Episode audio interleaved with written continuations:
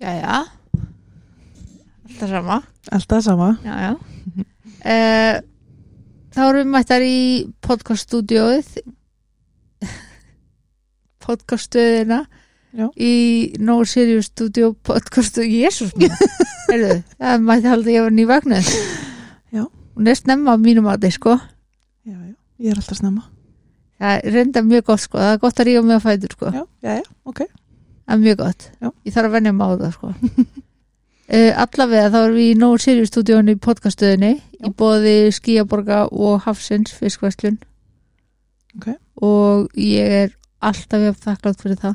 mm Og ég er mjög þakklátt fyrir það líka að þú sést komin til mín. Takk fyrir það Ég er það líka, komin tíminn til Þú segir það, það sé komin tími til að, að segja söguna þína. Já. Og þá ætla ég bara að spyrja þig, hver er konan? Ertu konan að stelpa? Stelpukona Stelpa kona, Já, ok. ég er 34 ára Já. Heiti Valkyri Sandra Þrjú dagsanlega börn, Mm. mann Býð hvergeri Já, vera hvergi Já. Hvernig er að búið hvergi gerði? Það er æðislegt Já. Svona lítið þétt samfélag, mjög bara næs Þetta er svolítið sko fyrir þá sem eru bara aldrei upp á Malbygginu mm -hmm. því þú ert utan á landi. Já. í grunninn.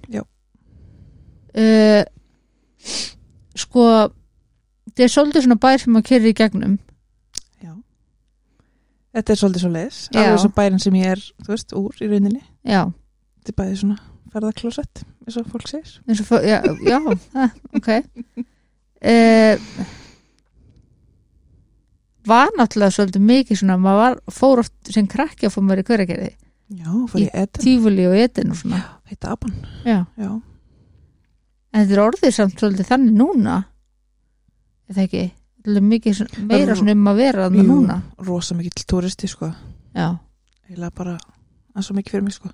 Aha. Já, alveg tróðin bærin og sumrin sko En já, bara dásanlegt já og svo er fólk að fara inn í slökun og Já, ég koma inn í rosalegt hótel og já, matsölustæðir og alls konar sko. Þetta er bestu pítsur sem hægt er að fá er þarna? Jó, Hálandi já, þetta er alveg bestu pítsur sem við æfinu fengið. Já, það eru það, í alvörunni. Sturlað sko. Mhm. Besti pítsu í heimi.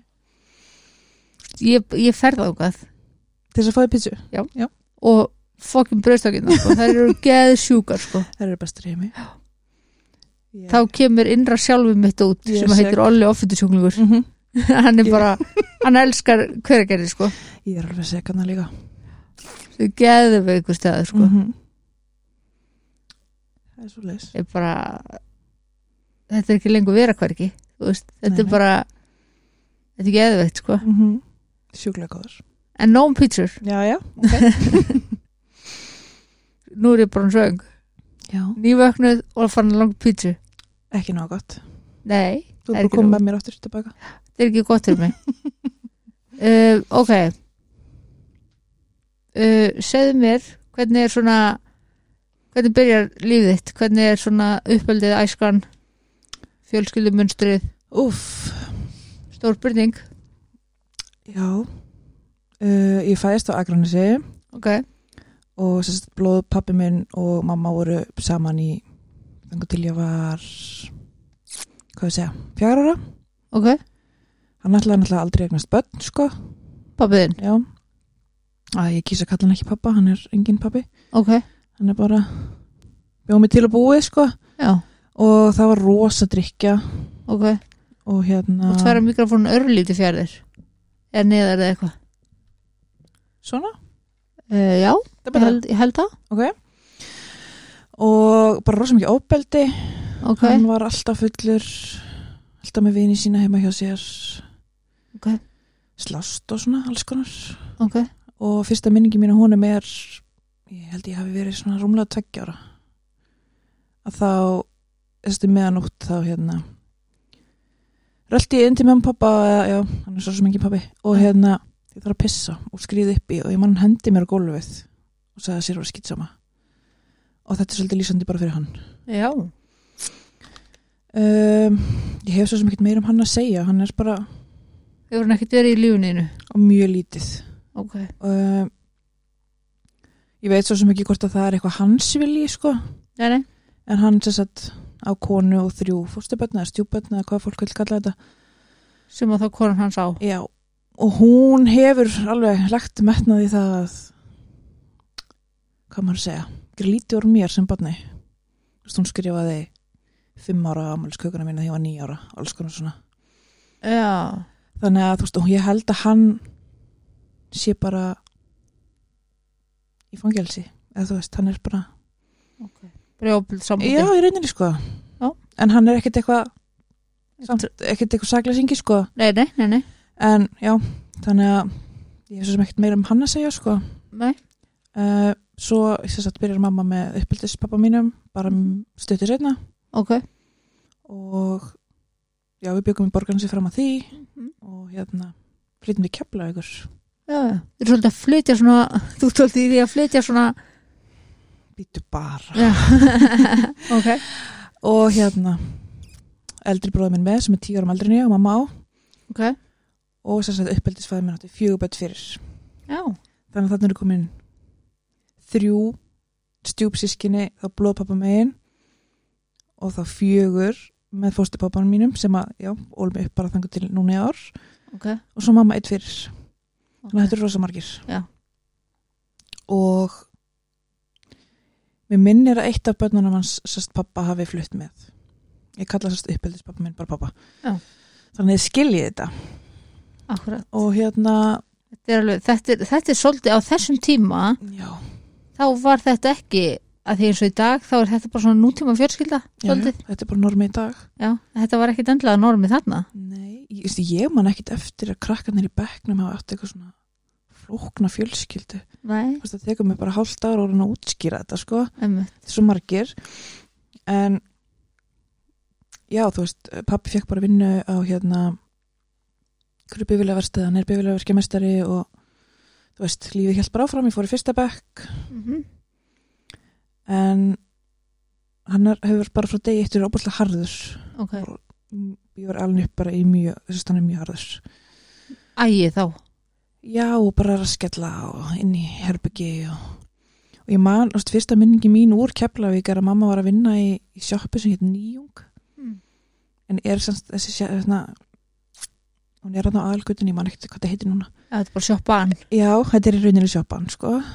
Og hún var að vinna kvöldvaktir ok, og þarna var ég náttúrulega, þú veist, blóðpöfum minn farin við erum búin að flytja hana bæjarfélag. Og þarna var ég bara að fara að vera heima með einhverjum nýjum pappa, þú veist, en hann gæsar appa já, og minningi mín þaðan er bara svakalegur aðskilna kvíði, þú veist, mamma var fyrir vinnuna. Mm og ég átti bara að gera svo vel að fara einin í herbergi að sofa. Já, já. gert það æfinni, sko. Og í eitt skipti voru til dæmis þá að þessir eldri bræði mínir þeir ætlaði að vera að lesa fyrir mig bóka eða eitthvað svona, segja mér sögu eitthvað, ég man það ekki alveg. Mm og hann kemur inn bara á röngunni. Ok, ég held að hann myndi klopna í tvönd, sko. Já. þú veist, sex ára gömul og þeir áttu sko ekki verið að hjálpa mér að sopna mm. og þú veist, þetta var allt svona bara. Það var bara gamli skólinn allar leið. Já, já, og þú veist, ef ég hlýtti ekki eða vildi ekki borða, þú veist, ég get ekki anþá að hugsa um hakki grítu, sko, það langar mér bara þú veist, með nýrnabinum, ég langar bara að æla, sko ég ætti bara að sitja um að þetta bara borða. Ef ég borðaði ekki, þá var ég bara raskelt bara þannig til að blæta rasketuna mér, sko. Oh my god, eða lokuðin í geimslu, það var líka ávinnsælt það var vinsælt. Þú veist, með slögt ljósinn bara, þetta sitja þar og svona trappa niður, ég þorði aldrei að lappa alveg niður, ég veist ekki hvað var þar. Er ég sex ára. Já, þetta er náttúrulega ofbeldi. Þetta er já, en þú veist, ég áttaði mig ekkert á því að þetta veri ofbeldi fyrir bara, nei, það er ekki mörg ár síðan, sko. Nei, nei. en þetta var allt bara svona. Þetta var alveg, alveg saman hvað ég sagði og gerði. Mm og er í rauninni ennþá þannig. Já. að þú veist ég er ég veit ekki, ögrari eða eitthvað, ég veit ekki. Þú veist, ég fekk aldrei að vera barn. En en sérðu þarna samt hvað þú gerir? Ég veit ekki, ég er augrari já, og ég er það reyndar en þú veist, já, já, en þú veist þarna ertu bann já, og þú ert bara að vera bann já. Ég man ekkert eftir að hafa verið að gera neitt að mér sko, Nei, en þarna er þú samt sem áður sem fullari manneskja. Já, að ykkur leiti að reyna að taka ábyrð á óbyrðinu sem hún verður fyrir sem er svo opbúslega lýsandi fyrir þá sem verða fyrir óbyrði já. Það er rétt. En þú veist, ég held líka að sé lýsandi fyrir okkur að reyna alltaf að finna einhverja orsök. 100% þú veist, hvað, hvað var til þess hvað gerði ég til þess að verðskulda það? Já, Já. en ég alltaf var bara barn. Ég var bara sex ára barn, skilur um, fyrir utan það að sex ára aldrei hundlegur aldur sko. Láttu mig þekka ég var einn sem var að byrja í fyrsta bekk og guð minn, góður. Alveg bara. Ég, ég segi allt sem ég finnst sko. já, já, ég er þar líka sko. Já, börn er ekkert alltaf dásamleg sko.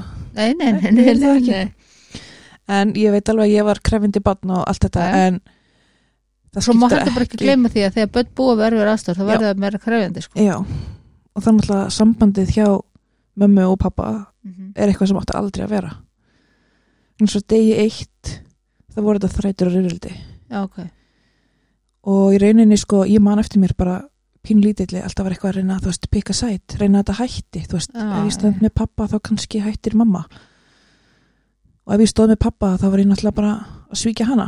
Já, og ef ég stóð ekki með pappa þá var ég að svíkja hann. Eða þú veist, já, og það, það var ekkert bara, ég gæti aldrei það var aldrei neitt sem ég gerði rétt. Nei þú gast ekki unnið þetta? Nei. Nei. og ég náttúrulega bara í fyrsta lega átti ekkert að vera fóreldrar eiga náttúrulega bara að vita að því að vera ekki að rífast fyrir frá bönni sín. Bara, bara utan bönn það. almennt skilur já, já, en já, þetta, þeirra samband var bara svona þýleg 2019 sko. Já, ok. Þannig að, já. Uh, það var langt reyfrildi rosalandri mjög Já, þreytt. en ég var eitthvað drikja í þessu eða drikja eða eða ofbeldi þeirra á milli? Ég sá aldrei neitt þú veist það var aldrei neitt líkamlegt ofbeldi sem ég Nei. sá nei, en endalaust andlegt ofbeldi. Já. Og í rauninni sko læriði ég ekki venjulega samskipti fyrir en ég kynist manninu mínum 2016 hmm. þannig að ég- maður sækir alltaf bara í það sem maður þekkir. Já, já, og ég sótti stanslist í þess að þetta er svona svona spenna. Já, já. Og ég meina bullara sem fyrir þeim er haft sko. Já og líka bara samskiptum við eins og mig sem bann voru alltaf þannig að þú veist ég fekk bara vita of mikið skilur já, já, já, ég var alltaf inn í hlutunum. Já. sem er rosalega hættulegt fyrir börn sko. Já. Og bara ofbærslega óheilbritt og ég veit það í dag. Gæti ekki vita það þá. Nei, nei, nei, en á einhverjum tímpúnti þarna kemur þess að verður frendi minn úr borgarinn sér fyrir áfalli. Ok. og hann kemur inn á okkar heimili. Hann er 15 árum eldri en ég. Já. og ég man svo sem lítið eftir því en hérna hann fær þetta áfall hann lendir bara í, í alvarlegum hlut. Mm og einhvern veginn bara svona svolítið missir tökin. Já. og ég verð svolítið fyrir barðin á því. Þessum hann er 15 árum eldri en ég. Ok, og hann gerir hluti við 67 ára bann sem á ekki gera við líkil bann og bara ekki gera við neitt nefnum með samþyggi ok. Og það er bara eitthvað svona sem að ég hef ekki sagt neinum. Þú veist, maðurinn minn veit það. Ok, og eiginlega bara er bara eitthvað sem kom til mín fyrir ekkert svo lengur síðan. Þess að þetta var bara onni kistu og bara ég sagði einhver frá. Ok. Og þannig einhvern veginn byrjaði bara svolítið ég að leita alltaf eftir samþyggi þannig var komin eldri bróður minn var náttúrulega bara þannig er hann 16 ára, hann er 10 ára meldur en ég. Hann er bara út með vinið sínum. Mm ég veit ekkert hvað hann hefur þurft að díla við. Öruglega eitthvað, skilur já, alveg pottjætt, en hann var lítið heima. Og ef hann Já. var heima þá var hann þú veist að flýja slagsmál eða eitthvað svona. Þetta var svona bara í kjálfa eitthvað þessum já. Uh, þannig já. Þessi frendi minn drakk rosa mikið. Ok. þeir eru að svipum aldrei bróða minn og hann það eru fimm ára mill þeirra þannig að þeir voru mikið fullir. Ég man eftir eitt skipti þá fór pappi út á skýrtunni þá voru 30 manns búin alltaf heim. Ok, Þú veist, þá er ég sex ára út í glugga bara. Veist, mikið blóð og alls konar ógeð bara. Já, bara sem börni ekki að sjá. Nei, og þú veist, ég var bara einin í herbergi skilur, veist, og ég var ekkit að eitthvað, máttu náttúrulega engin vita ég á vakandi, það er náttúrulega bara fengið að finna fyrir því. Já. þannig að þetta er bara svona hlutir sem ég er einhvern veginn átt að mig á bara núna síðustu kannski 2-3 árin. Ok, eins og þú veist, hlutin sem að hann gerði voru ekki í lagi bara mjög sjúkir. Þessi frendiðin og einhvern veginn mamma ól mig bara upp þannig að um, nöðgun var ekki nöðgun nema að vera tippi píka. Þannig að þetta var ekkert. Já, já, já en hann svo sett misnotar þig þessi frendiðin Þú veist, hann gengur ekki alla leið þú veist, eins og maður segir, en hann er samt að gera hluti sem að maður, ég meina bara já, eða þú veist þannig er ég aftur eitthvað misnotkun. viðbjöður, viðbjöður Já. uh, og þú ert í raun og veru bara hefur aldrei unnið úr þessum hlutum eða eitthvað Nei, þú veist, ég er náttúrulega búin að vinna úr ótrúlega mörgum hlutum Mhm. og í dag með fylgta verkfærum sem ég nota. Já.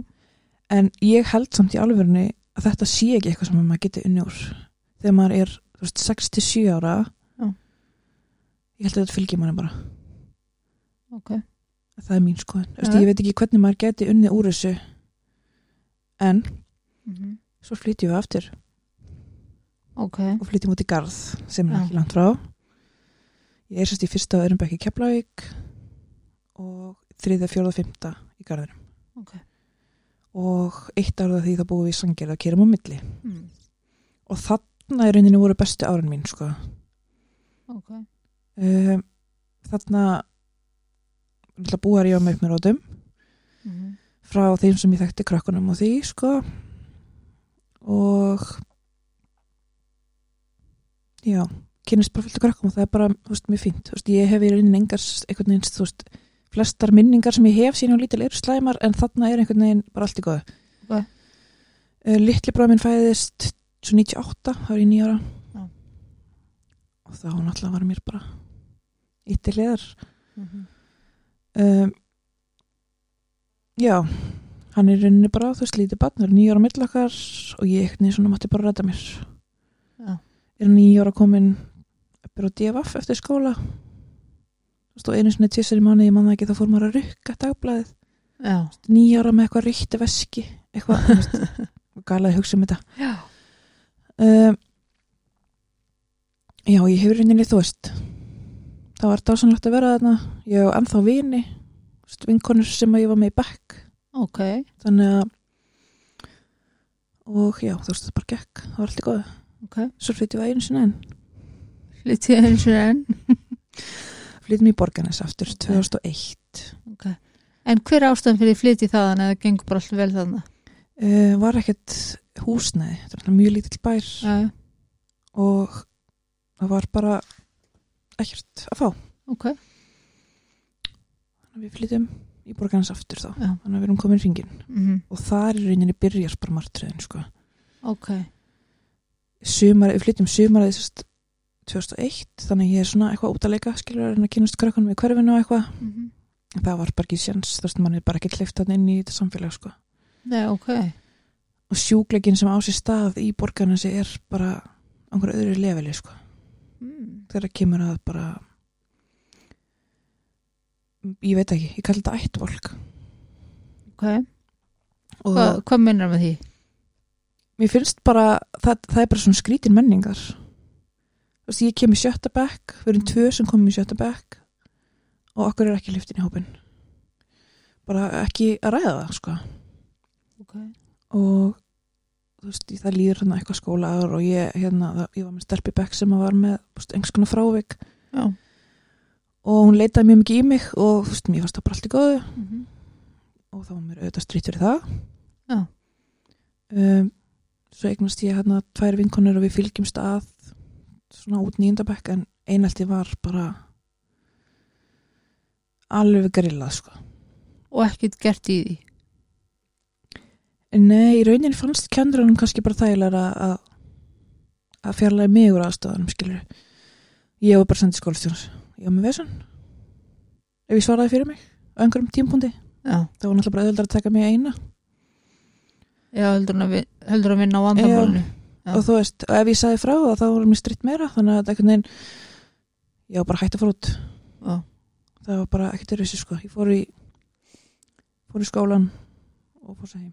Mm en þú mættir í skólan já, þangu til nýjendabekk þú veist, þá var mér bara ekkert stætta að mæta lengur. Þú veist, Ok. það var bara, það var þetta orðið líkamlegt ábyldi og þannig ég klára í rauninni ekki tíundabekk ok, og kennanarnir í rauninni bara meðvirkir skólastjórin meðvirkur gerendunum. Já.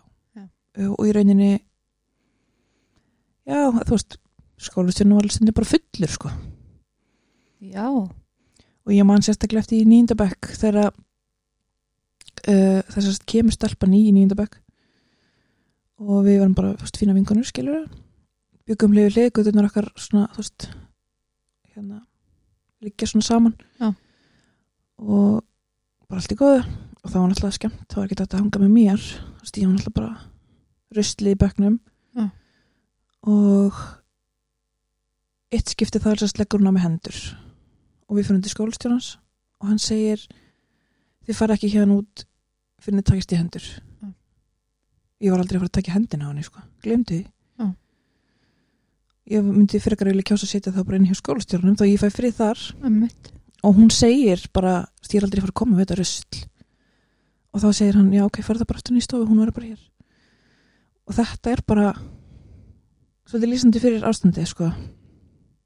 Var hægt að geta mætt með skólita sko, það var veist, fyllt af kókamjölk eða vatni eða veist, mat eða já, fötið mínu voru tekin skemmt. Þú veist, maður á eiginlega bara ekki orð. Ég gæti ekkert gengið um borganes bara ég geti reyndin ekki anþann um að fá eitthvað svona drulli á mig sko í alvörunni, er 34 ára. Sem er galið. Bara algjörlega galið. En þetta er bara svo ótrúlega lýsandi fyrir hann bæ. Þetta er, veist það er ekkit rosaloft því ég er orðlega sko. Nei, það kemur mjög sjaldan fyrir. Þú, mamma gæti ekki gert neitt hún er bara, þetta fór hún í skóla reyndi að gera eitthvað skilur uh, og eitthvað tíma var haldin bekkjafundur eða svona bekkjar, hvað er það?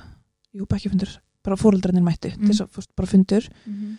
og þar segir ein mamman bara að mér finnst til að skára henni sér stritt því þá fór mín stelpa frið já, ok, þú veist one að way to look at it Já, hvað á maður að gera? Þú veist, það var ekki þetta að gera, það var bara stjórnlust ég meina ef að þetta er ef þetta er álit, veist sín foreldris, mm -hmm. þá er ekkit skrítið að krakkandir hafi þessu svona sko Nei, nei, einhvers staðar byrjar þetta Já. og ég er bara að það er aldrei neitt að fara að breyta minni skoðan á því að einelt er eitthvað sem byrjar heima við eldursporið það er bara þannig sko. Og það voru náttúrulega þrjár stelpur þarna svona vinsæli típunar mm. Mean Girls, við veitum alveg hvernig þetta er sem bara áttu restina. Mm. og ég gleyma aldrei bara hana í sjötta bekk ég fyrir hans tilbaka fyrsta íþróttatímanum. Þá þurftum við að fara sérst inn í íþrótt og niður stiga. Og ég setti skóna mína í skóhillu. Neða það var þeirra staður í skóhillunni. Og ég var, þú veist, þær voru þrjár og þær riðist á mig líkamlega 12 ára gamlar skilur og það var ekkert gert. Ég bara mátti sleppa íþróttum. Æ, þú veist. Drefti mig skilur og það var bara allt svona það var aldrei sjans fyrir mig hana nei, þú áttu bara ekki breyk ég átti aldrei breyka hana það var alveg saman hvað ég gerði þannig En að í þú- nýjönda bekk er ég eiginlega farin að hanga bara með eldri krökkum þú veist bara miklu eldri. Já, og mamma mín var ótrúlega stíf alltaf. Það alltaf að koma heim klukkan þú veist 8-9 þannig er ég orðin 14 ára. Álóksins kannski vini já, hún hefur líka örgulega bara hatt áhyggjur. 100% Þú veist, hún, var- ég veit alveg að hún var að gera sitt besta en hún var samt alltaf bara búin að ákveða það að ég var að byrja að reykja að drekka. Já, og ég var ekkert að því. Ég var bara að leita samþykki sko. já, já. Og svo kemur hann í nýjönda bekki með nýjst strákur. Mm og við náttúrulega bara smellum eitthvað saman og erum bara eitthvað kærstu bara hann og svo fæ ég SMS eitt kvöldi. Bara hvað, haha, við náðum honum. Hvað ætlar að gera núna? Það voru það þessar stelpur. Oh my god, hvað þeim lítur að líða illa. Já, hefur eitthvað tíma fengið afsökunarbeðri ég skrifaði pistil um þetta 2014 Ok. og þessi stelpa sem kom í nýjönda bekk bæst afsökunar en bæði mig um að taka þetta út. Að því að hún ætti mögulega eftir að eignast börn í framtíðinu og hún myndi ekki vilja að þau myndi sjá þetta. Já, þannig að hún baði afsökunar með skilir Já. Og jú, jú, það var eitthvað reunion þarna 2007 þar sem hún kom blind full og bæst afsökunar og að, þú veist, ég er ekki að fara að taka marka á því sko. Nei, og þar kemur einmitt, þú veist, einn starpan hann bara eitthvað, haha, manstu þegar ég sprendi kókimjölkin í töskuna þeina ótrúlega fyndið. Og ég man ennþá hverju ég svaraði þessu SMS-i þú veist, haha, við náðum hann, hvað ætlar að gera núna? Veist, ég, ég sagði mm, ég er spáði fann ég aldrei svo mér epli. Þú veist, hvað á ég að gera? Já. og það var náttúrulega ekkert gaman að svara því. Nei, nei. og ég hafði náttúrulega rosa lítinn áhuga fyrir skólan daginn eftir en ég fekk náttúrulega ekkert val um það. Nei. þannig að ég fyrir skólan og það náttúrulega bara ennþá mér ástæð til að stríða mér skilur og þannig er ég eiginlega bara svo orðið ein.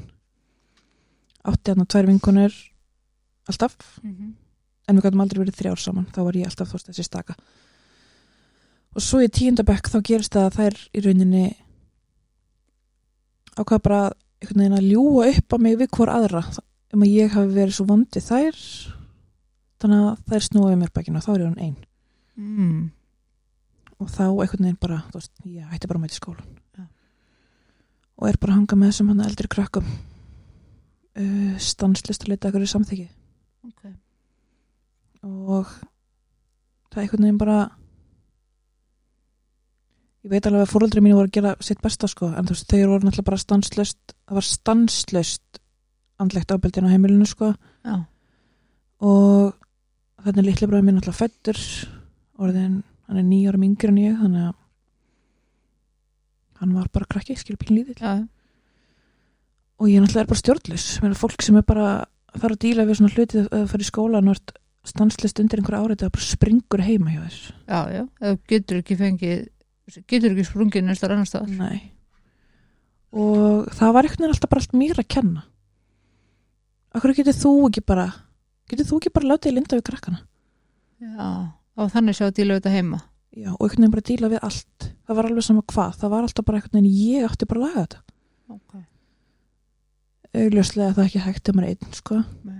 Uh, fóröldrarnir bara meðverkir gerandum og þú veist, skólastjórin aðstofskólastjóri, þetta var bara, þetta var svo mikil geðveiki sko Ok.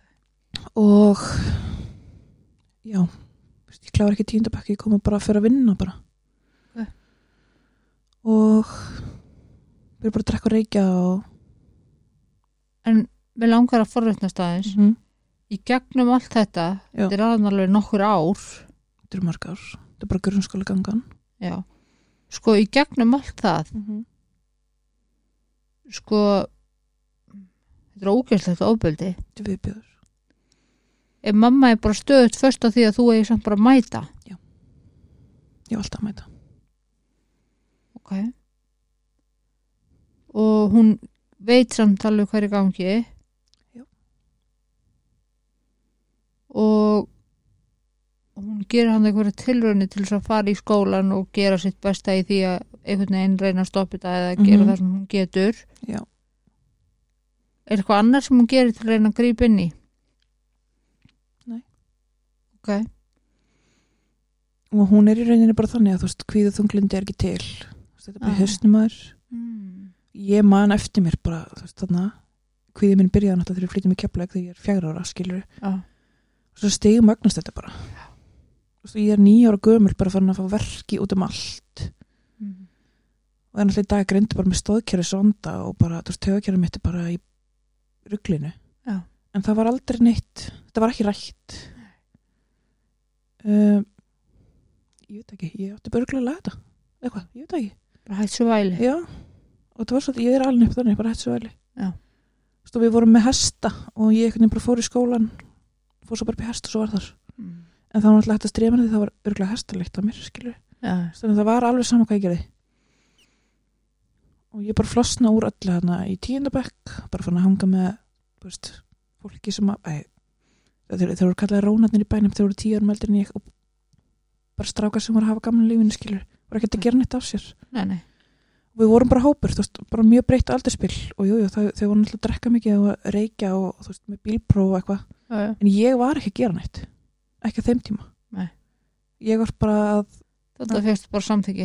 Já, bara, já, og fekk bara félagskap, skilju og það var náttúrulega bara búið að ákveða það fyrir mig, ég væri að drekka reykja og ég átti bara að koma heim klukkan 8 kvöldin, þú veist, þannig er hann 15 ára. Mm. þannig að það var hann, þetta stríða mér því þannig að ég fer bara uppreist Sem er ótrúlega eðlilegt. Já. Ef það er þetta orðað þannig, sko. já, ég held bara að ein mannski geti bara tekið ekki mikið, svona springur bara, mm þú veist, Mhm. ég bara sprakk Þannig ég fór bara að drekka reykja, ég meina ég hafði enga Þannig að og verður það eitthvað svona, stjórnlaust eða verður það, eða hvernig þróast það ég man ótrúlega lítið frá tíundabekka þannig til ég fæ bílpróf. Þetta var bara eitthvað svona, þú veist að fara rúndin á kvöldin. Þá fór mamma og leitaði að mér í öllum bílunum sem voru rúnd ringnum. Þú veist, ringi fólk, aðtöku hver ég er. Kannski var hún bara kapnar áhyggjum með eitthvað, ég veit það ekki. Ég En hvernig væri bara að treysta barninu sínu? já, þú veist, líklega var hafður mikla áhyggjur sko Já, en þú veist, öllum hann að afgjöra, sko. já, þetta, er smá svona mikið, svo mikið. Veist, mér finnst þetta svo mikil, mikil stökk Mhm. frá því að barnið þið búið að lendi í ofbeldi mörg ár Mhm. og þú einhvern veginn lætur hann að taka ábyrð á því öllu yfir í það að fara að leita öll kvöldaðinni sko. Já. Hún sagði alltaf bara, þú ert stelpa, ég var afgjörað þér. Að þú stelpa Já, að ég var að hanga með eldri mönnum. já, ég skil, ok Uh, hún gæti ekkert passa mig frá því að þeir ætlaði að gera eitthvað, sko. Eða skilur, já, ég skil gátt við hún var aldrei að fara að geta að venda mig frá öllu illu, skilur, í lífinu. Það er bara ekki hægt. nei, nei. Þannig að, já, ég, var bara alltaf, veginn, en þetta voru samt strákar eða menn sem voru bara góð við þig já, það var ekkit einhverjir, aldrei gert minni. nei, nei En það vinni mínu í dag, og ég meina, þú hafðir orðið fyrir ofbeldi heima fyrir einmitt. Og þeir vendiðu mig frá drullusokkunum í grunnskólanum, skilur. já, Ég má bara tala íslensku. bara hér má tala Já. íslensku Og það þorði enginn í þá. já, Þannig þannig fikk ég frið. Mhm. En þá fikk ég bara ekki frið heima fyrir, skilur. skil Þannig að það var, ég átti aldrei breyk bara í neina veginn. já, Um, þegar ég er 16 ára, að þá einhvern veginn, ég bara er að drekka og reykja og hanga með þessu fólki og á einhvern tímpunkti er þess að annar frændi minn þannig að mættir. Já. Og ég áttaði mig ekki á því fyrir, fyrir þreymur ára síðan að hann misnotaði mig bara heil lengi. Hann bara var alltaf að segja mig, við skulum bara flýja saman, þú veist, bara til útlanda að búa þar. Þú veist, það getur enginn elskað eins og ég elskaði, eitthvað svona, við erum sískina bæti, sko. ok þannig er ég náttúrulega bara, það búið að brengla heila búið mitt, skilur. já, já. Og hann misnita mig bara alveg þarna langt tímabil. Og það mátti náttúrulega enginn vita. Nei. Og enginn fekk að vita fyrir 2019, skilur. ok. Og ég áttaði mig ekkert á því að þetta var eitthvað, eitthvað misnotkun. Þetta var bara brenglun, ég menna ég á hvað sem er brengluð. Ég var bara svo í frænda mínum, skilur. Hugsunin mín var þannig. já, já, Þannig að svona er ég alveg upp, skilur. Og það veit þetta eiginlega enginn, þannig að, já, fyrir núna. Fyrir núna. Að verða ykkur góðu. Mm og já. Svo bara 17 ára, þú veist, fæ bílpróf. Og svo bara hvernig svona stigmagnast þetta, ég er bara farin að nota fíknefni og drekka. En sko þarna, 16 ára mm -hmm. hvernig, hvernig byrjar svona mis, svo, þetta er 100% misnótkun Mm -hmm. þannig er hann búin að tala þig inn í þetta. Já, að þetta er bara lindamáli okkar. Það getur Mhm. enginn elskað eins og ég elskað þig. Allt Mhm. þetta, þetta er svona þetta er svona taktíst skilur mm -hmm. og þetta er náttúrulega bara úst, hvað er þessi maður gamall? Tveimur árum eldri en ég þannig að hann er 18 ára þannig já, og hann er úr sveitinni fyrir, veist, bara fyrir ofan borgarnes en þannig var hann fluttur bara sína einn íbúð í borgarnesi Já.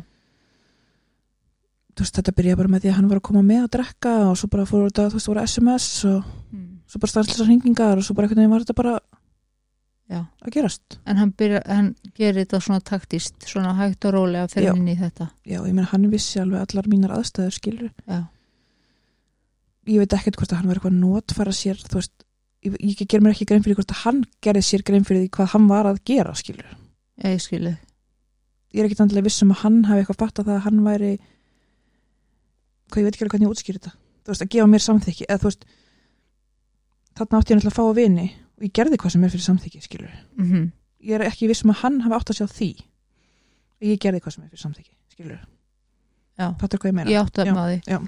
en þú veist, hann var raun og veru að veist, eins og þetta lítur út fyrir mér Mhm. að þannig er hann í raun og veru að nýta sér veikleikana þína. Til þess að fá fram það sem hann vill. Mhm.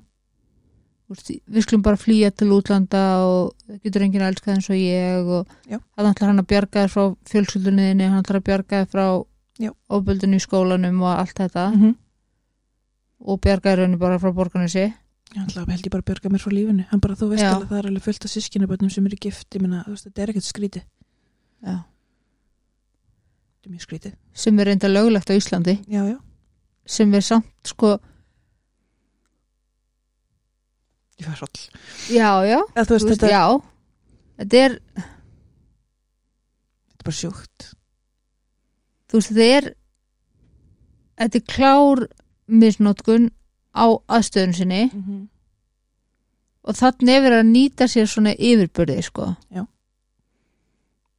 það er alveg þannig. Bara í, þú 100% veist, í mínu dæmi er það þannig. já, ég er ekki að segja, veist, ef það er ykkur að nóti sem er sískibötnur gift, það bara fyrst flott hjá ykkur. Já, já, bara you do you sko. en þetta, veist, þetta dæmi er eitthvað annað. í þínu tilfelli er það þannig. Og ég, veist, ég mani ekki eins og hvernig ég losnaði út úr þessu sko. Nei. Vissi fólk af þessu? engin, nei, engin sem er ótrúlega greilað því hann bjóði bílskotum með blóðpappa mínum sko. Ok. En, mátti ekki nú vita og þú varst náttúrulega ekki samskipt við hann? Og ég er ekki þessum hann hefði gert neitt sko. Nei, nei, hann er bara ekki þar. Nei. þannig já, þú veist, þarna er bara eftir þetta einhvern veginn fer bara allt í klassu og ég er bara að drekka og djama varst að berja þig niður fyrir þetta líka? ég veit það ekki alveg. Nei, en ég man alveg, ég hugsaði þú veist á þessu tímabili eftir, eftir grunnskóla eftir þetta allt, mm Mhm. það hlýti bara að vera eitthvað að mér. Mm það var bara alveg sama hvar ég var ég, það var einhvern veginn allt bara alltaf í klassu mm. Og- og þú, þú fer aftur þarna í að bleima sjálfa þig sko. Já, sem er mjög algengt. Mér bara, ég uppliði bara þannig ef ég kom við eitthvað að það var það bara ónýtt, eða Mhm. þú veist, það var Mhm. alveg sama einhvern veginn. Ég hlýti bara að vera vandamálið. Af því alls það sem ég var var vandamál Veit hann alltaf að það er ekki þannig skilu í dag veit ég það, en hvernig átti ég að vita það þarna? Það var, Einmitt. það var enginn að tala við mig. Það var enginn að var ekki að segja það neitt annað.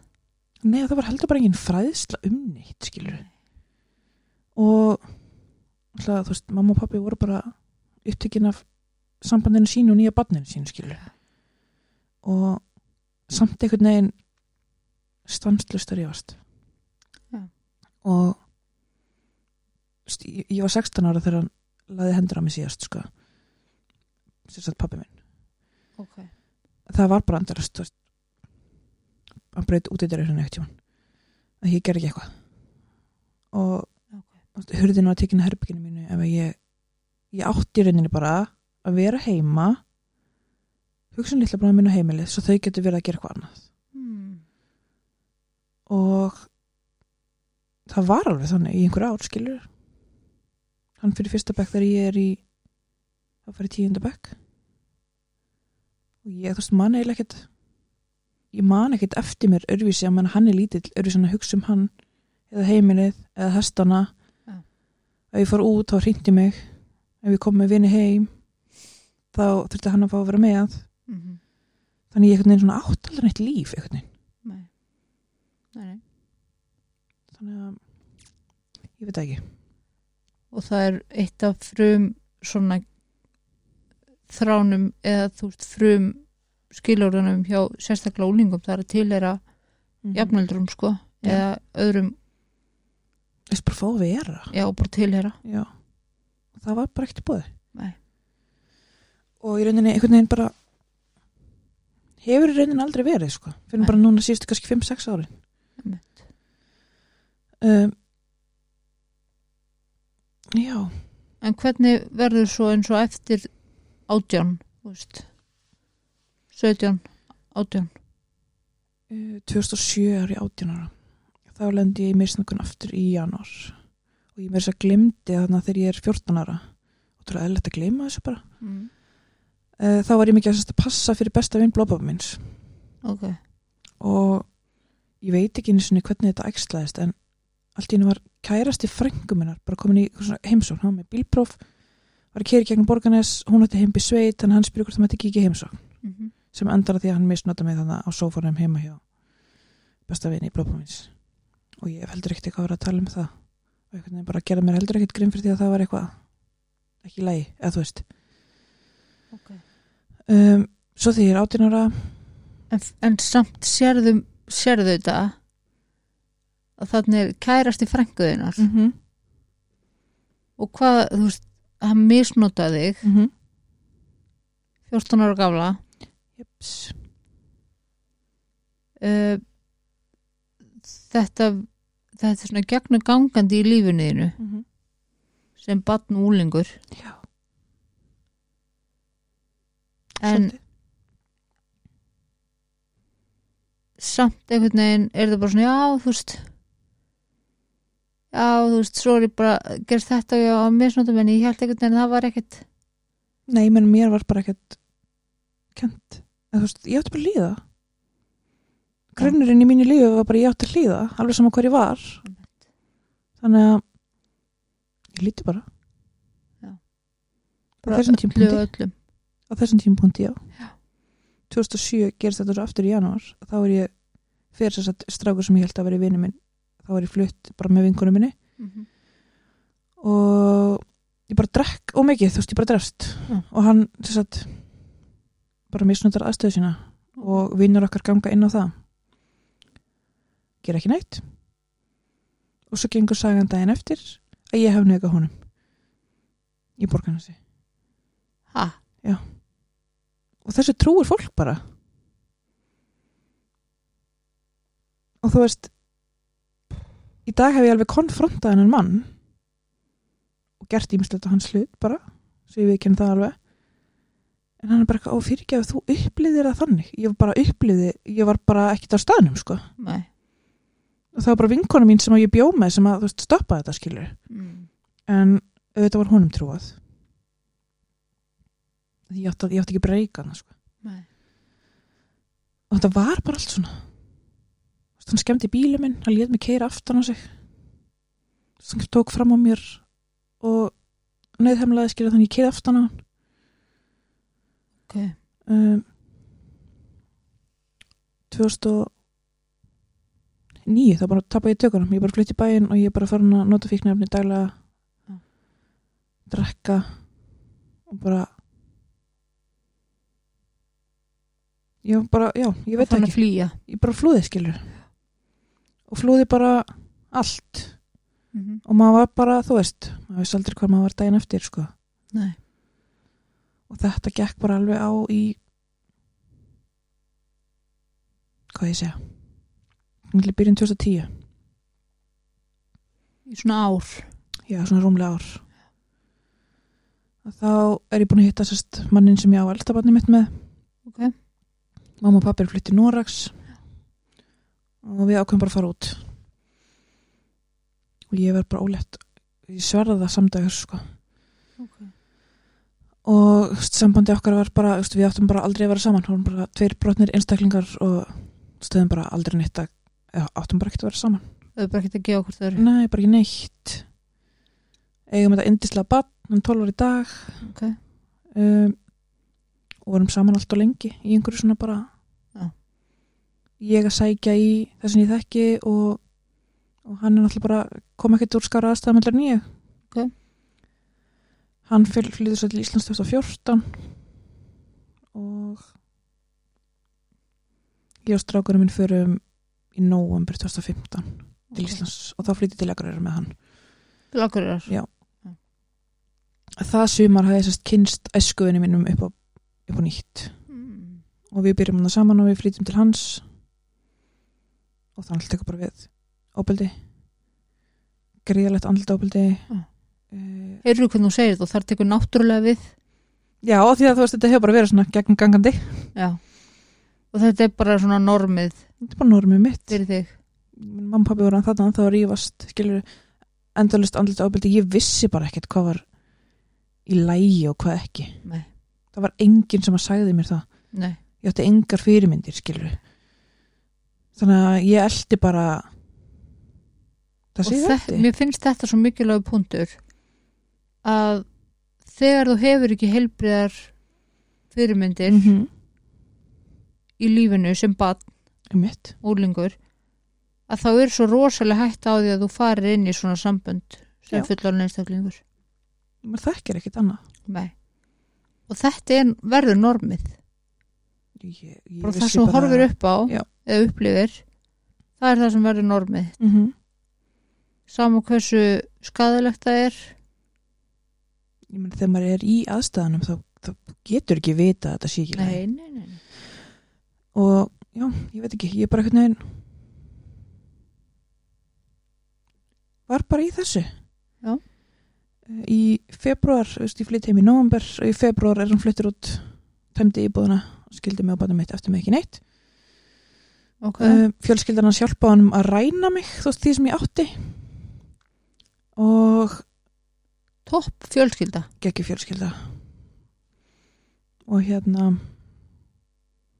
þannig var það bara. Ég, ég beði mig bara upp, upp á nýtt með barnið mitt. Menn hann var í leikskóla þarna. Ég var þurfti að fara þú veist, ég þurfti bara að reyna að lifa. Já, já, og hann eitthvað lét mann bara aldrei í friði það var alltaf eitthvað. Og svo þannig að óbeldi stoppaði ekki þráttur þegar þeir voru hægt saman? Ekki þarna. Nei, en svo kynist ég manninu mínum ekkert svo lengur setna ok, og hann bara svolítið bara tekur okkur bara í bómul. En va- er líka svolítið gegnum gangandi hjá þér að það er erfitt líka að vera ein? Ég gæti aldrei verið einn, það var ekki sjans Nei. ég bara kunni það ekki. Uh, sem er ótrúlega magnað horfandi á það að þú gast ekki treyst fólki en samt gast ekki verið ein. Ég var samt að leita samþykki hjá einhvern sem ég treyst ekki neitt. Sem er ótrúlega áhugavert. -hmm. og engin sálfræðingur hefur getað útskýrta fyrir mér, skilur nei, en þetta er bara þannig að annarkvort getur þú bara ekki verið einn eða þú bara vilt vera einn, það er Já. bara ekkit annað milli. Og í mínu tilfelli held ég að mér hafa bara liðið oft svo ótrúlega einni að ég gæti ekki verið einn með sjálfur mér. Já. Gæti ekki verið einn með haustum á mér. Mhm. og er náttúrulega bara þarna er ég byrjuð á kvelum, þunglinsliðum og svo kemur hann hana. Maðurinn sem átt í dag. Hann bara mætir. Hann bara mætir svæðið og hann bara tekur okkur bara hestinu sínum. Já. treður okkur inn í bómul og bara passar okkur. En þið kynnist þarna á Akureyri? Bara snemma 2016 það leiði ekki langur tími frá því að ég fór úr þessu hérna, hann fór og tæmdi íbúðuna og þangar til að ég hitti hann. Og þú veist þetta var bara eitthvað svona ég fór að tindir í korter. Og hann var með fyndna mynd.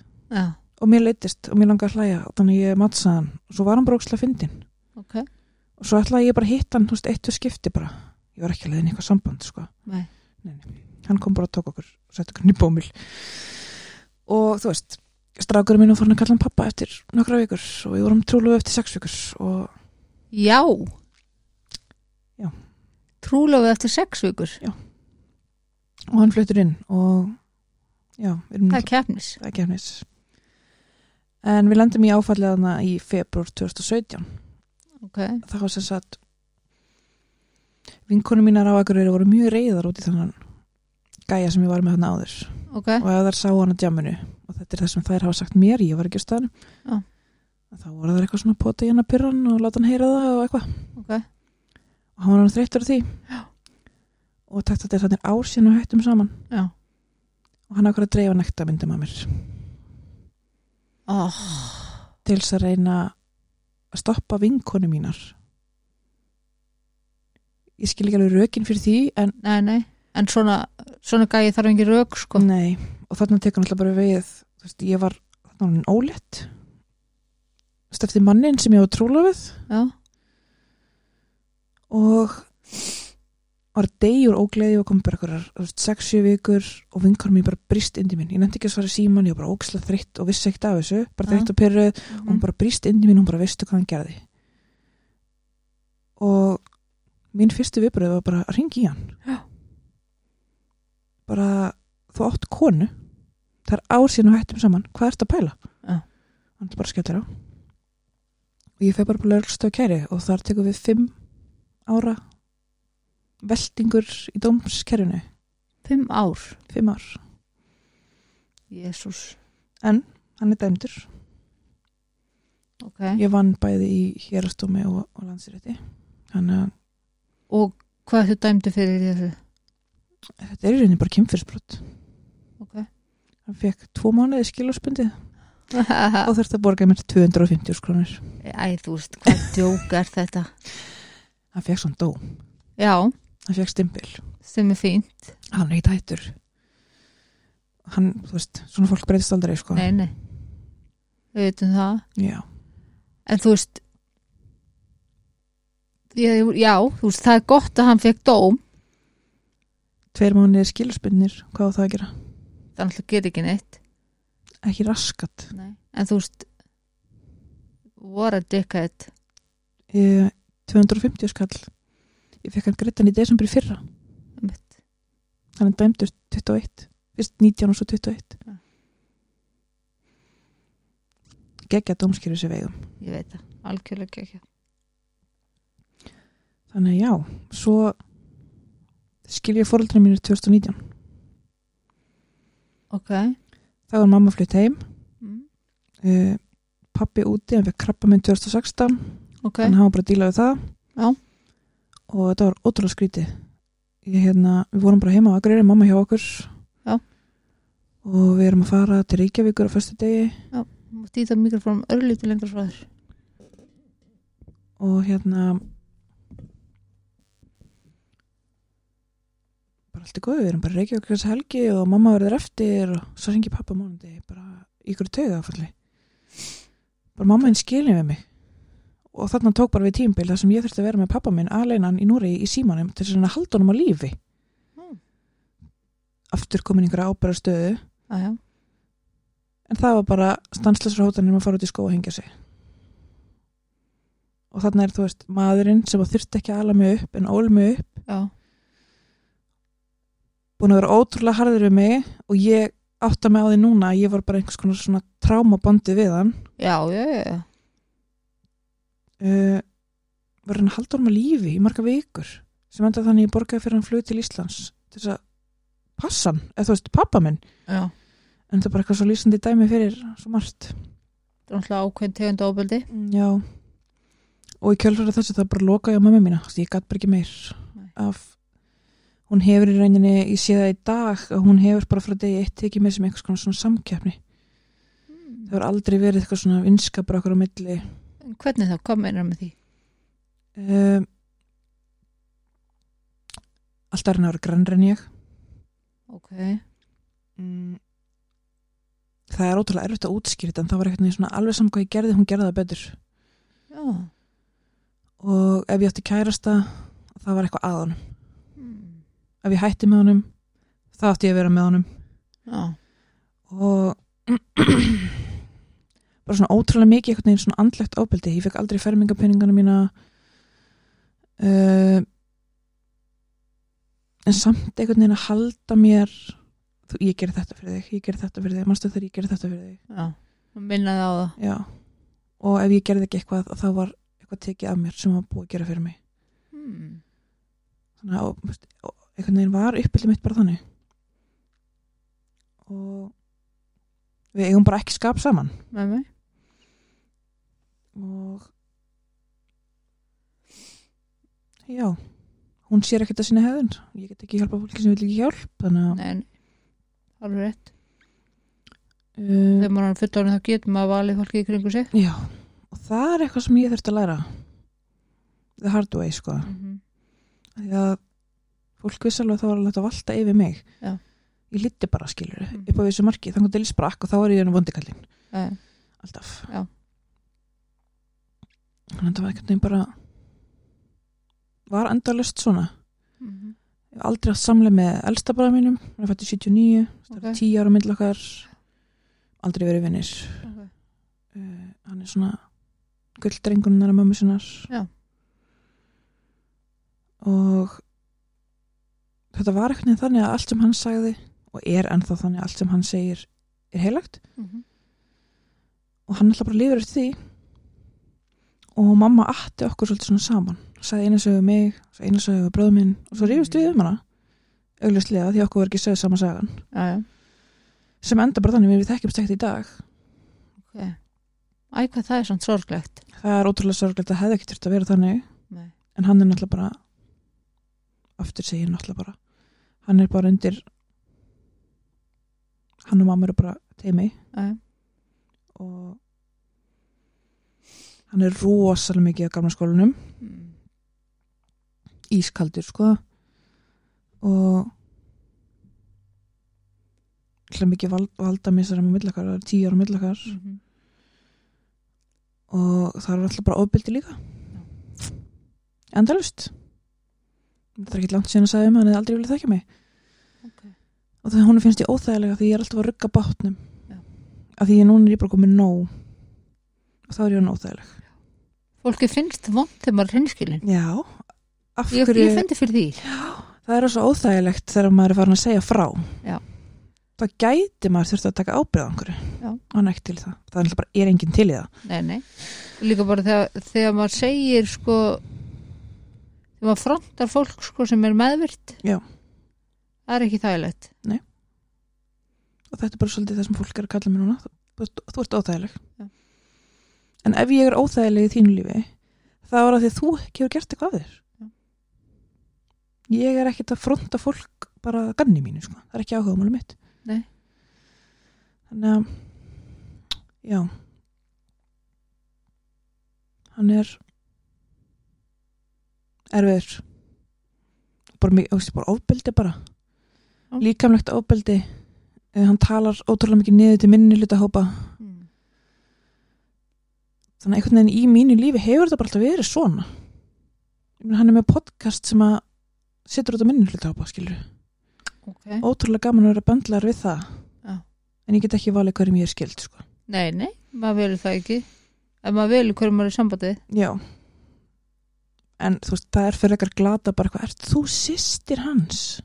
Já, hvað ég ger því? Já. get ekkert gert því, Nei. ég er ekki samskipti við hann. Það er eins get gert. Nei. þannig já, þetta er svolítið svona bara ok, það er svona, já. Þú veist bara jú, du, jú, skilur það er bara, og svo var þetta núna bara eh, fyrir árið síðan þá einhvern veginn svona dynur síðasta áfallið yfir þá byrjar pappi sérst með konu. Ok. Og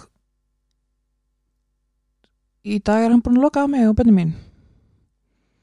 Já, fyrir þessu konu. Uh, hann lokar á því hann er búin að vera upp eða bara pappi en síðan úr tveggjara þessi fjöra, fjögur ára minni, sorry, 30 ár. Í 30 ár. Hann bjó hjá mér, ég held honum á floti eftir skilnaðin ég er ekki talið eftir. Nei, nei, myndi gera það skilur það er pappi minn. En hann er náttúrulega brjóðabildi sambandi Ég- það hljómar þannig. Mm og æi, hvað það er að- það? þetta er svo, er svo glatað skilur já. en ég get ekkert gert í því. En þetta sýnir mér já, enn og aftur að það geta allir lent í ábyrði sambandi 100% líka þeir sem eru harðir af gamla skólanum og hafa sjálfur beitt ábyrði 100% hann fær krabba minn 2016 og hann snýst við sem persóna og manneskja. Já. hann var alltaf ískaldur, grjótharður. Mm -hmm. og ég meina ég alveg, hún er margt að þakka í dag fyrir það hver ég er, að því ég er alveg grjótharð í grunninn, skilur já, ég hefði ekkert verið það ef hann hefði bara alltaf verið að setja plástur á okkur sár, skilur með mig en þarna áður en að byrja með þessari konu og þá var hann á besta stað í lífi sínu skilur, Já. hann er búin að ná sér þetta skilnaði við mömmu. Já. hann var bara að blómstra. Ok, og svo bara er bara búin að taka þá kremja það, sko. ok, æi. Og það er, þú veist, þetta er rosa áfall að einhvern veginn maðurinn sem búið fylgja í 30 ár, hann er bara farin mm eina fóreldri mitt sem ég talaði við, skilur Já. þannig að ó, ég fæ alveg illt í hjarta þetta er eiginlega versta. Mér finnst þetta verri en allt hitt. Og örgulega ógæslega erfitt fyrir hann. Já, ég veit það ekki. Nei. ekki með að skilabóðin sem ég fæ frá honum. Ok, þar er ég bara fegin að hafa ekki búið mig til og, og ég er bara geðvik og ég er bara með þroskaskerðingu og ég er bara að leta mér geðhjálpar og Ok. að því að ég hef bara ofinberað þessa konu allt sem hún hefur sendt mér sagt um pappa sagt um litla bróður minn. Ég ofinberað bara. Ok. þá er ég þetta gefik já, ég meina. Þannig já, í, í dag er ég við ömmu mína. Ok, ég er bara búin að taka, veist, ég er bara hætt ég er bara, er bara búið, ég er bara allir ekki að taka þátt í þessu lengur. Bara hætti í þessu leikriti ég nennis ekki þannig að þú veist, loka skrefi mitt í þessu og bara koma hingað og bara koma sér út og klára þetta og bara þú veist, ég bara þarf ekkert að að halda, sko. Nei. það það bara, gerir þetta ekki minna vondsam nei. Þetta er náttúrulega glata, sko. Umulegt mm -hmm. en já, bara þrjú indislega börn og dásamlega mann og geggjaða tengdafóreldra og fullta vinum og, já, og hérna þannig ég, ég, ég þarf ekki að það með halda. Nei. ekki neitt. Sko maður þarf ekki á fólki að halda sem dreifum maður niður sko. Nei og líka bara ég hef bara í þessi 30 ár verið meðvirkar sem manni skilu í hverju einasta rifrildi þá stóð ég með honum. Og svo var þetta samt svo fyndið að ef að þau voru að rífast að það var einhvern veginn mamma bara alltaf hvað getur ekki bara beðið hann að gera þetta fyrir þig? Já, Og alltaf svona samvisku pott. Já, og á sama tíma, ef hann baði mig um það hluti að hans ræði við hana þá voru við fáiðar já, ég, ég nenni þess ekki. Nei. Þetta er rosalega flókin og óheilbrið samskipti. Já, ég þurfti að gera svo vel að læra bara heilbrið samskipti þegar ég byrja með manninu mínum. Já. að því ég var stanslist að pota pikka. Já. Hvernig fannst þér að fara svona inn í heilbrið samskipti? Mér finnst það ennþá stór fyrirlegt sko. Er það ekki? Hann vill ekki rífast um mig. Nei og það er svo þreytandi. Hann brosir framan í mig. Nei. Mér langar alltaf stundu bara kirkjan skilur en ég elskan. En ég þurfti þetta bara þetta er ennþá bara að teka tíma ójá, stundu langar mér bara að rífast skilur þá er óþálandi þegar manneskja vill ekki rífast með bara ég, ég ætla ekki að, hann segir bara veist, ég geti sagt eitthvað sem ég sé eftir þú ert eina mannskjana sem ég vil ekki særa fyrir þann bönni mín. Mhm. og þetta er eitthvað sem ég hef aldrei heyrt í mínu Nei. lífi hvað ég að gera þessar upplýsingar? Ég er bara, þú ert bara eitthvað skrítin. Þú veist, þegar maður er að reyna að rífast við eitthvað og fær ekki ger mér brjóla, viðbröðin það stundur bara útrás. Já. en það er heldur ekki tilbætt að vera alltaf að rífast. Er bara alls ekki. Við höfum aldrei rífist. Við eigum alveg rökræður og, já, já, en þú veist, ég upp í því að það var bara rífrildi og svo fórstu bara svo og þá var bara búið þegar þú vaknaðir. Já lífið er ekki þannig sko. eða bara ekki búið og þá bara silent treatment. Já, eða það, sem er versta aðferðin sko. já, það var mjög mikið þannig. Var bara ekki talað við mann. Nei. svo dögum skipti bara að ég var svo alltaf með vissan mm þannig já, þetta er ekkert nefn bara þetta er ég ástundum bátt með að trúa þessu sjálf. Já, og ég hef alveg rætta við fólk bara af hverju þetta einhver að fara að trúa þessu allir, þetta er bara þessu okkur léleg lígasaga Mhm. en þetta bara er það ekki. Því miður. Því miður. Já. en ég væri ekki ég ef þetta hefði ekki komið fyrir mig. Nei, það er máli sko. Það er bara þannig. Og ég held að það sé svolítið svona fólk spáir held ég minnst í afleðingarnar á svona hlutum sko fólk gerir sér enga grein fyrir því Nei. hvað sko því það er alveg eitt að sitja og tala um ofbeldi sem það var fyrir Já. skilur Mhm. ég get alveg talað um það bara eins og ég sé að fá mér samloku skilur já, já, en afleðingarnar sem þetta hefur er bara ég held að enginn gerir sér grein fyrir því nema að vera í aðstæðanum Já. sko. þú getur ekki gert þig grein fyrir því þegar maður upplifa það sko líka með minn, ég er bara með líka með 70 konu skilur, og það er bara sem læknir minn segir Já. Og það er bara beintingt í áföll. Mm. það er enginn að tala um þetta. Og úr tegakjæra mitt er bara eins og það sé, þú veist, bolti í miðinni og það er bara endanist að snúa upp á hann. Það er bara Já. verið að toga mig saman, ég er bara hókin Mm -hmm. tegakjæra mitt ræður ekki við lífið. Þannig að þú veist, ef að maðurinn minn hækkar rómin við börnin og þá bara er ég komin, inn, þú veist, ég fæ Já. bara tegafall Mm það er ekkert eðlilegt við það sko. Ekki neitt. Alltaf eins og sér ljón einhver staðar nálættir bara ég bara alltaf í alltaf, þetta ljón er alltaf alveg að fara að geta mig. Það er enginn sem að talar um þetta einhvern veginn. Það er því fólk skilur þetta ekki. Nei. og það er svo erfitt að útskýra hluti þessa hluti til dæmis. Mér finnst nefnilega og það er, og kannski er það sorglegt sko eins og bara ég hef upplifað hlutina mm -hmm. það er að stundum finnst mér betra að sleppa því að segja fólki frá einmitt. út af því að sko hvernig var þetta? Út af því að mér finnst svo erfitt skilningsleysið. Einmitt. Og maður er óþægilegur einhvern veginn. Já, að því að maður kannski segir frá líðanir sinni eða segir frá þú veist, mér líður svona bla bla bla eitthvað. Mhm. og sko fólk skilur mann ekki. Og skilningsleysið er svo opaslega erfitt Já. að það er stundum bara betra að þegja. Í rauninni, það er einfaldara. Miklu einfaldara, ég fyrir það. Það er miklu einfaldara að þegja en ég fór í endurhæfingu í 36 mánuði hjá virk. Ok, endalisa andlega vinnu, Mhm. en ég er öryrki í dag bara út frá þessu sem ég er búin að lendi í. Já. En það sem þessi endurhæfingu kendi mér var bara að reyna að finna rökin. Hver er rökin fyrir því að ég ætti að þegja? Já, engin, nei. En sko mér, ég er ekki að menna það að segja ekki frá Nei, sko, sögun sinni. En þú veist þegar ég detti í þessa hugsun Já. að þessi einfaldara að þegja já, að það hugsa ég alltaf en hver er rökin fyrir því? Já. og það er veginn bara svona mín leið mhm. í gegnum þetta allt saman. Hverjum er ég að gera grein, nei, greiða með Já. er ég að gera mér greiða? Nei, nei, ég er að gera fólkinu sem að beiti með óbeldi greiða akkurat. Og ég er ekki til í það. Nei, þau eiga það í hefur sko. Nei. og það er eitthvað svona sem ég er svolítið að reyna bara einhvern veginn að ég veit það ekki, fá fólk til að skilja. Mm að því mér finnst nefnilega kannski, kannski var það svolítið svona ég veit það ekki, skringilega orða hjá mér eða eitthvað. Mm -hmm.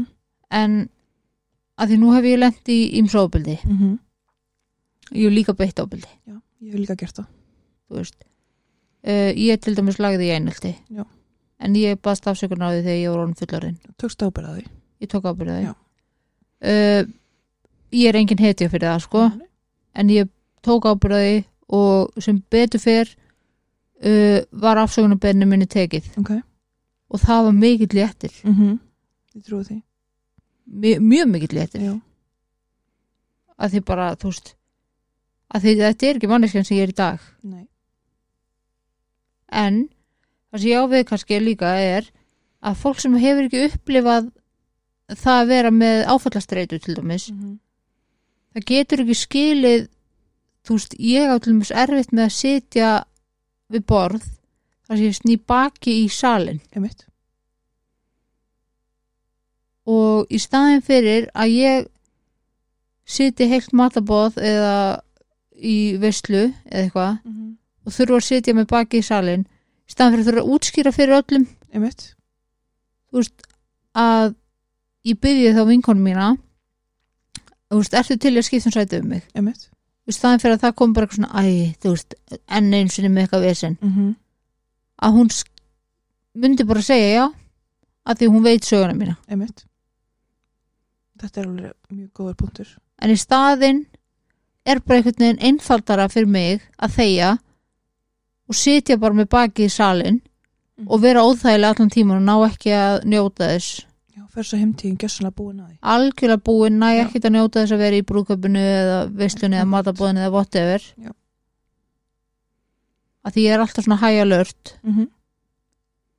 Þetta er góður punktur. að því að fólk fólk veit ekki hvernig mér líður Nei. fólk veit ekki að ég er alltaf þú veist bara í flight mode sko Mhm. Það er alveg rétt. Þetta er alveg ótrúlega algengt. mjög, A bara allt og algengt. rosalega sko Og og ég held þetta að sé að því maður að því, við tala út frá mér já, að því að ég er svo mikið búin að forðast að segja frá svona hlutum mm -hmm. út af því ég veit að fólk skilur ekki einmitt. Það tekur minni tíma bara að díla við þetta sjálfur. Og minni orku. minn orku Og bara einhvern veginn, og þegar maður á ekki orkuna já, að þá einhvern veginn spara maður hana Mhm. og er bara neina að sleppa segja frá henni en ekki vera eitthvað vælandi við þessu blíf, Einmitt. blíf, eitthvað svona Já. svo kemur að þú veist brúköpunni eða whatever, ég tek bara brúköpu sem dæmi Já. að þá er ég sjálf búin að skemma það fyrir mér Já. og mæti brúköpið eða þú veist eitthvað og er sett í sæti þar sem allir salurinn er fyrir aftan mig Já. og ég næ ekki að njóta þess neitt út af því að ég er búin að vera að spara orkunum mína og hef ekki útskýrt fyrir neinum að ég get ekki setið á svona stað Einmitt. þú veist, Þannig inn í end þá er þetta bara kaos. já, og bara lose-lose situation Já, bara getur ekki, þú veist, það er bara, there is no winning. Einhvern veginn. þannig að maður er eiginlega komið ringin sko. Í rauninni, there is no winning, einhvern veginn. Þú veist, Ég upplifa bara þannig. Og mér finnst líka bara svo mikil höfnun þegar fólk skilur ekki. Eða vill ekki ég reyna að upplýði skilja. þannig Mér bara, ég degi inn í mér. Já. Í hver skipti sem að einhver spyr bara eitthvað, ok, þú veist, mér langar að reyna að skilja þig og ég útskil hlutina og svo bara eitthvað, ah, ég alveg. Já. Ég alveg sláði mig frekar. Það er bara, ég er þeirra skoðunar að þú veist, lemdi mig frekar heldur en að beita með andlega opeldi í alvörunni. En þú veist, það er mín skoðun. Ég- mín líka sko Já. og ég hef verið lamin mjög illa Já, ég veit það. veist, og bara ég skal gangi í gegnum það aftur frekar en að lenda aftur í svona miklu andlu opildi sko. Já, ég skal frekar láta lemja mig í gegnum grunnskólagöngunum mín aftur. Já. Heldur en að fólk reyni ekki að minnstu kosti að skilja hlutina. Því það, það tekur ekki svo langan tíma, sko. Það er ekki svo erfitt. það er máli sko Mm -hmm. en hvernig er þú veist eins og bara lífið þitt í dag þú veist, hvernig ert að díla við þetta svona bara um, ótrúlega misjant, stundum mér alveg að kapna Já. og þetta er svolítið árstíðabundi sumrin eru yfirleitt best sem er ótrúlega algengt Já. Um, vestu tímabilin eru svona oktober fram í februar það er ég bara með ofsakviða ok, ég veit ekkert af hverju skilur það er bara einhver afleðing eru jólin erfið? Já, það er náttúrulega rosa fjölskyldi tími. Já, og minn strákurinn minn er 12 ára og hann ólst upp í ömmu sína af og til Nóri í 5 ár, minn, hvar eru þau, hvar er þetta fólk? Já, Og spyra mikið ég hef vanið með það frá, ég, ég eignaði spönni mín að ég segi þeim satt Já. ég fikk aldrei sannleikan, bara aldrei Nei. það var alltaf allt færað Mhm. þannig að ég tala bara íslensku við hann Já. og svo hjálpa ég hann bara gegnum það þannig að hann veit alveg og ég hef bara alltaf lift honum að taka sínar eigin ákvarðanir uh, og hann er bara ótrúlega velgerður og þú veist, hann skilur alveg að og er bara reyður. Hann má bara vera reyður út í þetta fólk Myrna, alla tilfinningar er rétt að sér. Og það er eitthvað svona kemur mest út á svona, svona jólunum og Mhm. páskunum og eitthvað svona en tengdafóreldrar mínir er náttúrulega bara þau er eitthvað annað sko. Það stýr lukkupottin þar. Ég sko vann öll lottóin með þetta fólk, það er bara staðreind sko, þau eru bara þau hefur búin að hitta strákið minni þrjár mínútur þú veist, það hefur bara hún ammans og afi. Já, og það er bara svo ótrúlega lýsandi bara fyrir svon þeirra sem að ég er gift Já. að hérna þetta einhvern veginn hefur bara alltaf svona verið ótrúlega auðvelt. Mm. pappi hans byrjaði með mammans þegar hún átti pínlítið bann með öðrum manni og hann er bara pappi bassins þetta er bara einhvern veginn er bara eitthvað svo eðlilegt? Eitthvað mist að fallið já, það er einhvern veginn svona það sem að kannski heldur manni bara floti. Mm. að eftir allt þetta að einhvern veginn vera samt ekki á verri stað já, Þú ég búin að gangi gegnum þetta, allt þetta ógeð þú getur samt alveg átt gott líf. Já. Þú veist, ef þetta er ekki eitthvað til að sína fólki það einmitt, þá veit ég ekki hvað sko. Því að það er alveg svona margt bara svona í gangi í samfélaginu. Bara endalausir áreistrar og endalausir einhvern veginn svona, alltaf allt veginn sem ekki ílska. Rosaleg. Og það einhvern veginn vinnur bara alltaf allt. Mm. það þarf ekki að vera þannig sko. Nei. bara enga veginn. Ég átti 30 hvað var ég gömul hýpir 27 ára. Þetta voru 25 ár í ógeði. Já. en ég myndi samt gera það aftur ef þetta verið útkoman. Ef ég geti valið útkomið þá er þetta útkoman. Já, það er alveg þannig bara. Já. ég meina maðurinn tilbyr jörðina sem ég genga á skilur ég þarf ekki að beða um neitt meir. E, þú veist, ef þú myndir byggja um eitthvað meira þá myndi ég kalla það bara frekju sko. Einmitt. það mætti kalla mig frekju Já. en hann er bara drengurinn minn er 12 ára og það er engin meiri fyrirmynd fyrir honum heldur en maðurinn minn já, og avans og ef það segir ekki allt þá bara það bara segir helviti mikið myndi ég að Já. segja sko. að því hann er alveg búin að þurfa að sjá margt 12 ára gamall já, og hann veit alveg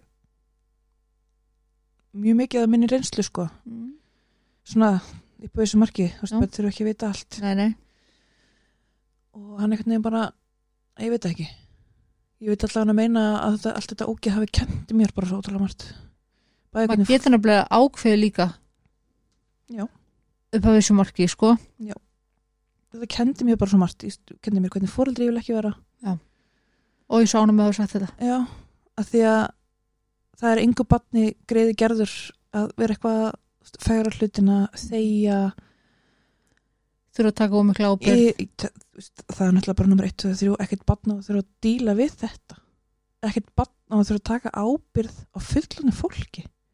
Glemdi því. Mhm. og eða taka ábyrgð á sískjunum sínum. Ég mitt það er bara ekki í lagi. Það er foreldrana ábyrgð að hafa eignast börn sko.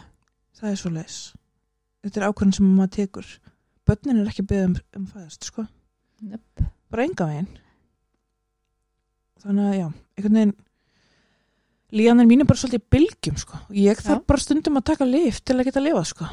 já, ég meina bara eðlilega, ætla ég að segja. Bara alls konar, þú veist, ég með rosa heilsukviða ok, alveg svona lamandi heilsukviða ok, ég, svo, ég er ekki hrætt við döðan en ég er hrætt að deyja frá börnunum mínum. Já þetta sé mjög algengt. Ég held að þetta sé líka eitthvað svona tengt minni æsku, eitthvað svona að því ég var svo ótrúlega mikið ein og ég vil ekki að þau verði án eitthvað, þú veist, en Já. þetta er bara ótrúlega eigingjörn hugsun. Þau geta alveg lifa án mín, sko. Skilur, ég meina þau gætu alveg Já, það er ekki vilt- óskast að það. Nei, nei, þú gæta bara, það samt alveg. Ég held, mér sé þetta meira bara fallið húsin sko. já, kannski. Þetta er samt svolítið eigingjörn.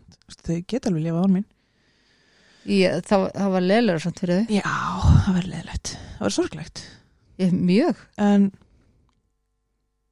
ég veit ekki, ég veit ekki hvernig ég er að díla við þetta. Ég er bara að díla við þetta. En ég meina þú fórst í langa endurhæfingu. Já, ég verið 36 mann í stansleysi, bæði andleir og líkamri endurhenga já, sem bara geggjað. Og þú veist, ég get alveg þú veist, sagt að bara reynd út að ég lagði allt sem ég átti þarna í þessa endurhengu. mm -hmm. Það er ekki óskast að vera 34 ára og vera öryrki nei, nei, út af hegður annara í grunninn, já út af framkomi annars fólks. mm -hmm. Það er umöðlegt. já, En ég menn það er bara aflengar sem ég þarf að dila við, skilur, ég get ekkert gert því. þú valdir það ekki Nei. En ég er búin að mér finnst ég búin að vera að í rauninni taka ábyrð því sem ég get ekki ábyrða og það er ég Já. fyrst og fremst mm -hmm. Þú getur bara ekki ábyrð þér Já. ég þarf að taka ábyrða mér og bönnarinn mínum, mm -hmm. that's it Já. get ekki tekið ábyrðin öðru og það er ótrúlega skrítið því að ég hef allt mitt líf alltaf tekið ábyrð bara á öllu í kringum mig Já. og það tók mig þess að 36 mánu að læra bara ég veist ekki, sleppa tökunum Já. og í dag er mér einhvern veginn bara svo drullu sama Já. Um fólk og hvað því finnst og hvað það hefur að segja um mig hvernig það vil koma fram með mig. Þú veist það bara það er ekki bóði nei, og það bara snerti ekki. Nei, það bara snert mig ekki. Og já, þannig að þetta var eitthvað bara svona loka leiðin mín. Mm. að því. Og hvað ég glöð með það. Já, bara komið svo út og bara fá að segja frá. Já. og samt í leiðinni láta fólk að vita að þú getur alveg átt gott líf. Já. Þetta er ekki endalókin sko nei, bara eh, þetta þarf ekki að vera það Nei. en það er enginn að fara að hjálpa nema þú sjálfur nei, og það, það getur engin hjálpa eða þú vilt ekki hjálp sko. Nei, ég er náttúrulega búin að reyna það í einskinni síðasta ár Já. Þannig að ég nenni ekki meir Nei. ég nenni bara ekki að mér líður bara ándjóks þannig að ég nenni ekki meir Nei. Bara ekki meiri drama fyrir mig takk bara nenni því ekki, ég á bara ekki tíma. Nei. og það er ótrúlega fýtt staðar að vera á bara, nei, bara ég, þetta er bara, ég nenni ekki, nenni bara kom gott. Ekki. og geta bara sagt, nei, ég ætla bara ekki að taka þátt í þessu. Það er góðu staður að vera á. Já. getur bara staðið fætunar og sagt bara nei takk, þetta er ekki fyrir mig. Já. valið fólki í kringu sig. Já, þetta tekur á hverja einustu fokkin frumu í mér, ég með svo mikla réttlætiskend já, hún öskrar inn í mér bara, hvert einasta skipti sem mér langar bara að reyna að eðlilega. það er bara ekki hægt. Nei, bara eðlilega. Já, sérstaklega myndi ég halda þá bara eins og með pappaðin að gagvart börnunni þínum sko. Ég menna, ég get alveg sagt að hérna að ég nefndi dóttur minni í höfuð á honum. Ok, ég er búin að skipta um nafna barninu mínu. Ok, og maður gerir það ekki að ganni sínu sko. Nei. En dótti mín á ekki skilið að heita í höfuð á einhverjum sem að myndi ekki berjast fyrir henni. Nei. punktur. Bara sammála. Og það er ekki nema búið ykkar síðan að ég fekk að í gegn hjá mannanabbi nefndur kentu ömmu mína að að þú ég vil ekkert hafa þetta í nafninu mínu. Þú vilt ekki Nei. hafa mig í lífinu þá bara hef ég ekkert það að segja að gera. Ok, þú ert grjótörð já, ég, nenn, ég bara nenn ekki í alvöru. Ég er búin með þetta og þú ert að meina það. Já, bara, mér, mér líður bara inn í hjartana mínu, bara inn í hverju einustu frumu að ég bara nenn ekki meir. Nei, þú ert bara búið með þeim pakka. Já, og minna, hver veit, kannski á ég 34 ári viðbót og ég ætla ekki, ekki eða þeim þetta sko. nei. Það komið tími til að þú fór að njóta bara lífsins. Já, er það ekki?